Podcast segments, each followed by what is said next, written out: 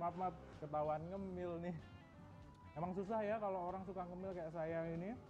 Kadang takut juga atau worry berat badan bisa bertambah naik.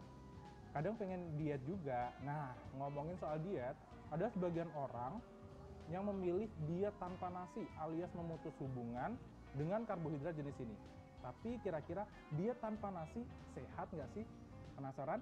Yuk kita cari tahu saya lanjut ngemilnya aja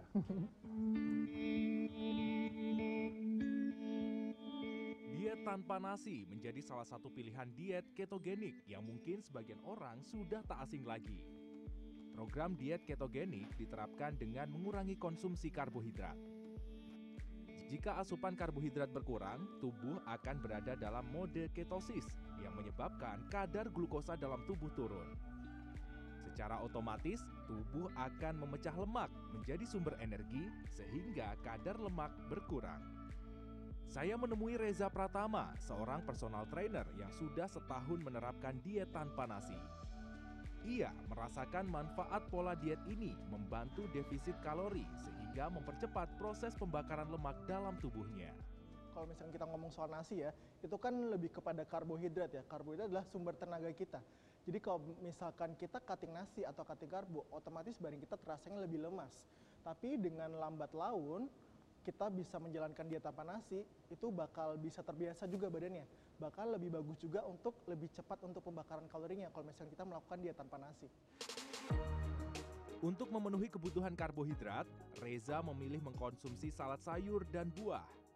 Dan melengkapi metode diet ini, ia juga menjalankan pola olahraga dengan metode interval training yakni gerakan olahraga dengan intensitas waktu tinggi disusul dengan intensitas waktu rendah. Kan gerakan apa atau olahraga apa yang cocok pada saat kita melakukan diet nasi itu lebih kepada gerakan-gerakan yang bukan gerakan atau program strength training.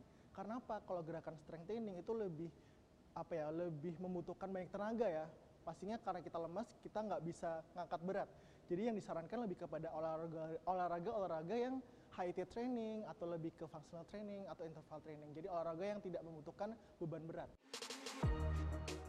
Namun di sisi lain, diet ini memiliki resiko bagi kesehatan.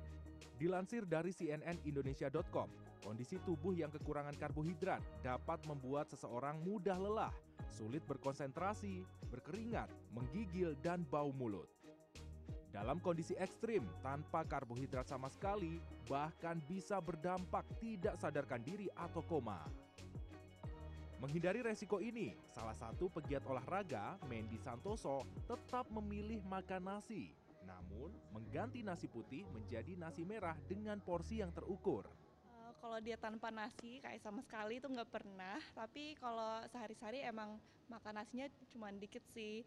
Paling cuma segini terus proteinnya lebih banyak. Terus kalau makan nasi pun nasinya biasanya aku pilih yang nasi merah atau enggak nasi uh, yang fibernya tinggi.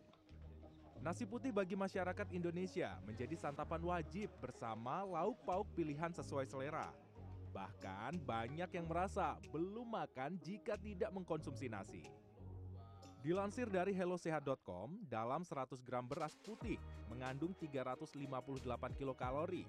Sedangkan apabila nasi merah, maka memiliki kalori 360 kilokalori. Sedangkan untuk karbo jenis lain seperti jagung rebus 100 gram mengandung 96 kalori dan kentang 100 gram 87 kalori. Ahli gizi Ati Nirwanawati mengungkapkan, menjalankan diet tanpa nasi sebenarnya tidak masalah Asalkan tetap memperhatikan kebutuhan kalori tubuh. Hal ini karena kebutuhan kalori tiap individu berbeda. Eh, apabila laki-laki disarankan antara 1750 sampai 2000 kalori per hari. Kalau wanita 1500 sampai 1750 eh, kalori per hari di mana setiap makannya antara 300 sampai 400 kalori.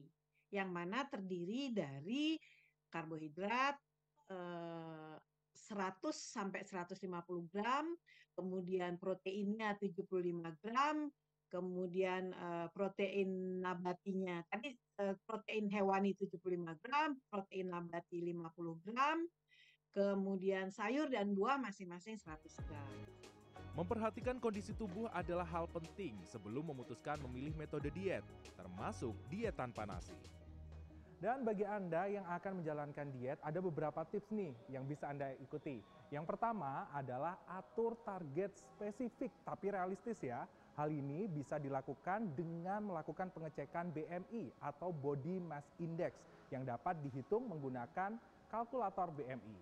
Selanjutnya yang kedua adalah cari tahu banyaknya makanan dan minuman yang dapat dikonsumsi secara normal dalam sehari. Biasanya bagi yang akan diet disarankan menurunkan kebutuhan kalori rata-rata secara bertahap. Misal, minggu ini adalah 500 kalori, maka pekan depannya adalah 600 kalori. Selanjutnya, yang ketiga adalah cari tahu aktivitas fisik yang sesuai dengan aktivitas sehari-hari. Disarankan juga melakukan olahraga rutin ya minimal 30 menit, tapi jangan terlalu diforsir. Dan yang keempat atau yang terakhir, Anda bisa juga melakukan konsultasi ke dokter ataupun juga ahli gizi agar mengetahui pola makan atau pola diet dan juga pola latihan yang efektif untuk menjalankan diet Anda. Jadi, pada dasarnya apa pun jenis diet yang diterapkan harus tetap terukur agar tidak berdampak buruk bagi kesehatan. Freddy Cahya, Urip Handoyo, Jakarta.